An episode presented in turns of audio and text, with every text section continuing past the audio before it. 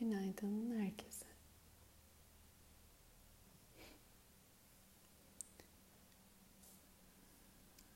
Sessizlikle başlayan bir gün. Herkese huzur, herkese barış, mutluluk dilekleriyle başlayan bir gün. Kendi içimizde o sessizliği bulmadığımız sürece doğru sözleri bulabilmemiz de zor. Bu yüzden aslında meditasyon büyük bir güç olan sükunet, sessizliği kendinde yeniden keşfetme ve bulabilme aracı. Sessizlik pek çok öğretmenin, pek çok eski metnin ifadesiyle sözden daha güçlü. Bu yüzden susmak aslında sözü var eden.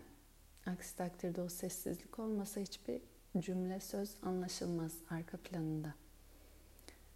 Yine her sessizlik içeriye doğru aslında bir nevi dalgalı bir suyun dinmeye başlaması gibi böylece sizin daha derinde, daha net bir görüşe sahip olmanız için de bir öncül gerek. Sükunet, sessizlik veya öylesi bir içsel diyelim ki e, vakur bir hal geliştirebilmek bir olgunluk işareti, ifadesi diye de bu nedenle hep aktarılır, sayılır. Herhangi bir zor durumda, bir dalgada sükunet veya sessizliğe geçebilmek aslında bu derin görüşe de kendini geçirebilmek için bir araç. Ee, ve duyulabilecek daha derinden bazı belki sesler içeriden ifadeler varsa onları duymak adına da bir araç. Dinlemek için de doğru konuşmak için de önce sessizliği aslında herkesin bilmesi gerekiyor. Hepimiz için. Bu yüzden de meditasyon aslında bu derin sessizliği kendi içimizde keşfetmeye bir araç. Bununla başlayarak devamında gelen sözler, iyi niyetler, huzur, barış dilekleri zihninde bir nevi o sessizlikte yalın, temiz bir haline arındıktan sonra bir kez daha istediğim biçimine biçimlenmesi. Bu da elbette ki olumlu deneyimler hepimiz talep ettiğimiz için hayatta aslında kendi varlığımızda önce huzur, kendi varlığımızda mutluluk ve barış. Dolayısıyla bunu inşa etmek için kendime verdiğim güçlü bir yönelim veya telkin diyelim. E, bu uğurda zihin bir ok gibi o yönünü belirleyerek an ve gerek geldiğinde eylemi doğru bir şekilde seçme adına kararlılık gösterebilir. Bu zihni yönlendirme adına, yönelim verme adına da ilham olsun diye okuduğumuz bir kitabımız vardı. Damma Pada. Dharma, Sanskrit ismiyle bu kavramın Pali dilinde Dhamma, Sanskrit'te Dharma ifadesiydi ve bir arada tutmak, bütüncül bir ilişki içerisinde parçaları bir arada tutmak demek aslında literal çevresi Dharma kelimesinin. O zaman kişiyi bu tekil parça olarak kocaman bir evren içinde bir arada bütüncül bir yapıda ne tutar? Bunu sorarsanız veya bunu bulmaya çalışırsanız bunun adı Dharma. Bu tekil parçalarıyla bütünü kendi içinde o parçaların uyumunda, bütünlüğünde bir arada ne tutar? O zaman bu tekilin darmasını keşfetmiş bulmuş olursunuz. Ve genelde ahlak veya düzen veya erdem gibi çevirileri var bu kavramın. Çünkü erdemler veya doğru davranışlar zihnin böylesi olumlu diyelim ki nitelikleri aslında bu parça olarak bireyi geri kalan tüm diğer canlılar ve cansızlarla bu gezegenle o bir arada uyum veya dengede tutabilen bir ara e, anahtar olduğu için. Bugün bu kitaptan böylesi bir ara anahtar olmayı ifade eden 9. bölüm iyilik ve kötülük başlıklı bir kavram. Ee, yanlış ve doğru ya da böyle de çevirebiliriz. Başlıklı birkaç dize okuyacağız. Söylediği 116. dizede önce şu olacak. Güzel ve iyi şeyleri yapmakta acele edin. Aklınızı yanlışlardan uzak tutun. Çünkü iyi olan şeyleri yapmakta yavaş davranan kişinin aklı kötü veya yanlışın zevklerine veya onun e, yanılsamalı yoluna kayar. 117. Kişi yanlış bir şey yaptıysa o zaman o şeyi bir daha tekrarlamamalı. Çünkü yanlış davranışların birikimi sonucunda ortaya büyük acılar çıkar. 118. İyi olan şeyleri ise tekrar tekrar yapmalı. Çünkü iyi davranışların birikimi sonucunda büyük mutluluklar doğar.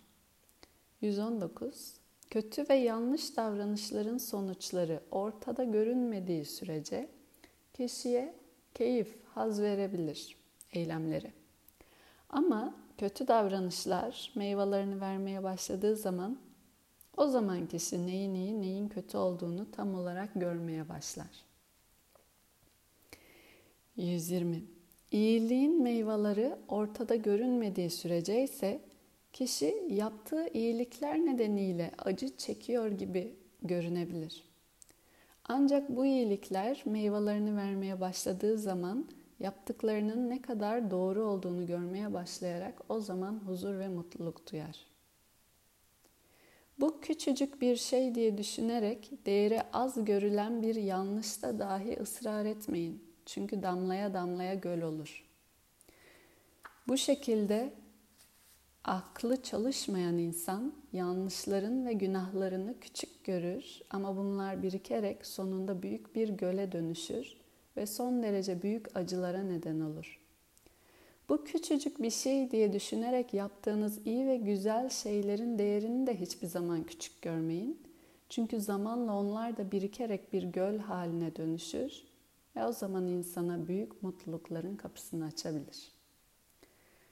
Ee, çok güzel dizeler aslında. Özellikle son üç tekrarlayacağım. Diyor ki iyi olan şeyleri yapmakta tekrar tekrar ısrar edin. Yanlış olan bir şey varsa ondan bir an evvel uzak durmaya çalışın. Bunu hepimiz biliyoruz. Ama sonra söylediği başka şeyler var. Neden? Çünkü kötü ve yanlış davranış önce sana zevk veriyor gibi görünebilir. Bazı davranışlar o anda bir kar, haz, keyif veriyor gibi görünebilir ama arka metninde darma, uyum, denge bir arada bütünlüğe uzun vadede ya da hizmet etmiyor olabilir. Kötü ne demek, yanlış ne demek diye sorarsak yine cevabın aslında darma kavramı ifade ediyor. O yüzden kitabın adı o. Bütünlüğe, bir aradalığa, uyuma, bu dengeye hizmet etmeyen davranış. Zarar veren davranış özetle başkalarına. O anda sen bu bedene de olabilir bu davranış. Haz veya keyif alıyor gibi görünebilirsin. Şu anda aldığım belki bir haz ama uzun vadede bu bedenin sağlığına veya işte organlarına ya da çevreye zarar veriyor. Bunu görmüyorum. Diyor ki o zaman yani gelecek bir zamanda meyveleri vermeye başladığında kişi iyiyi kötüyü daha net idrak etmeye başlar. Birincisi meyveler geldiğinde aslında anlıyoruz yanlışı ve doğruyu. Bazen eylemi önce karar vererek yaparken değil. Maalesef diyelim. Keşke öncesinde o muhakeme ile eylemi seçerken o ayırt etme gücü olsa. İlla ki meyveyi ısırıp da tadını aldığımızda değil. Ve sonra dediği tersine ilginç bir şey var. Bazen doğru bir davranış, iyi bir davranış aslında yaparken acı da çekebilirsiniz. O anda size e, yaptığınız eylem doğruluğunu bilmenize rağmen keyif veya iyi, haz diyelim, mutluluk, huzur vermekten ziyade acı veriyor olabilir. Bazen böyle eylemlerin, böyle anların da olduğunu söylüyor. Ama bir zaman geldiğinde, meyvasını verdiğinde o tohum, doğru davranışın tohumu, o zaman o vaadinden veya verdiği acıdan kat be kat yüksek, uzun vadede huzur ve mutluluğun kapısını açabilir. Bunun basit örnekleri var. En basit meditasyon. İlk başta 15 dakika sabit hareketsiz oturmak gerçekten bedene acı veren bir şey olabiliyor. Zihne gerçekten sıkıntı veren bir şey olabiliyor. Ya da bir alışkanlığınız var. Diyelim ki zararlı bir alışkanlık, tükettiğiniz bir besin. Onu bırakmaya çalışmak ilk etapta çok acı veren bir şey olabiliyor. Bedene keyif vermeyen. Ama uzun vadede tıpkı 15 dakika sessizliği öğrenebilmek nasıl fayda getiriyorsa ya da o yanlış besini bırakmak uzun vadede yıllar içerisinde nasıl bedene sağlık olarak geri geliyorsa bunun gibi hayatımızda başka onlarca eylem var. Söylediğini böyle düşünebiliriz. Ve zihin önemli olan bu ayrımı, bu muhakemeyi unutmasın. Hatırlatmaya çalıştığı bu. Uzun vadede aslında dharma kavramı o bütüncül iyilik veya bir aradalık anlamında tüm dengeyi huzur veya mutluluk bu anlamda vaat eden o tüm dengeyi bir arada koruyan her neyse o nihayeti eylemlerinde arka planda amaç olduğunu unutmasın. Çünkü öyle olursa hiçbir eylemini bu küçük diye iyiliğinde de kötülüğünde de doğrusunda da yanlışında da azımsamaz. Sonra söylediği şey böyle bir cümle. Bu küçücük bir şey diye bir yanlışta ısrar etmeyin. Ne olur şunu şurada iyi versem. Ne olur şurada şu beyaz yalanı söyleyiversem. Ne olur şurada işte herhangi bir böcek, küçük bir karınca üstüne basıp atıversem. Ne olur demeyin herhangi bir küçük davranışta dahi. Çünkü o küçükler birikir, birikir, birikir, göle dönüşür. Damlaya damlaya göl olur dedi. İyilikler de aynı şekilde. Küçük görmeyin. Söylediği diğer dizi o. Bu küçücük bir şey diye de yaptığınız iyi ve güzel bir eylemin de değerini asla küçük görmeyin. O küçücük iyilik de belki birisine bir anlık bir gülümseme, belki birisine bir anlık dolmuşta minibüste yer verme bilmiyorum minicik bir şey ya da yerde yürüyen küçük bir karıncayı alıp başka bir yere koyu verme üzerine zarar gelmesin diye. O minicik bir şey bir çiçeğe su verme bile olabilir sokakta gördüğünüz bir ağaç. Zihinde birike birike aslında bir çiçek tarlası, meyve bahçesi yetiştirmenize vesile olur.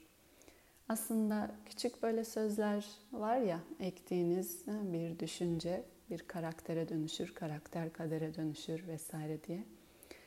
Ee, her bir eyleme verilen bu dikkat, her bir eyleme verilen bu özen ve ihtimam diyelim, nihayetinde o büyük gelecek meyvelerin alanını yaratıyor. Bu yüzden de söylediği o küçücük iyi ve doğru eylemler de asla değerini küçük görmeyin. Çünkü zamanla onlar da birikir bir göle dönüşür.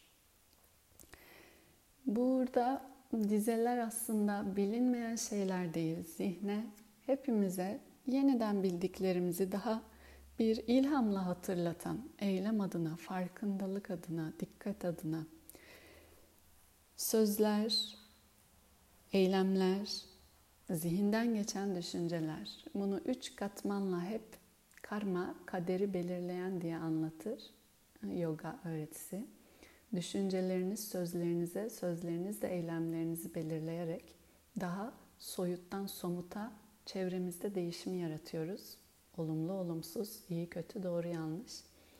O yüzden e, genelde biterken hep herhangi bir gün, herhangi bir eylem kişi kendi kendisine ya da bu yaptığımız avuçları birleştirerek boyun eğmek gibi kalbine, dudaklarına ve iki kaşının arasına elleri getirir. Böyle küçük bir ritüeldir.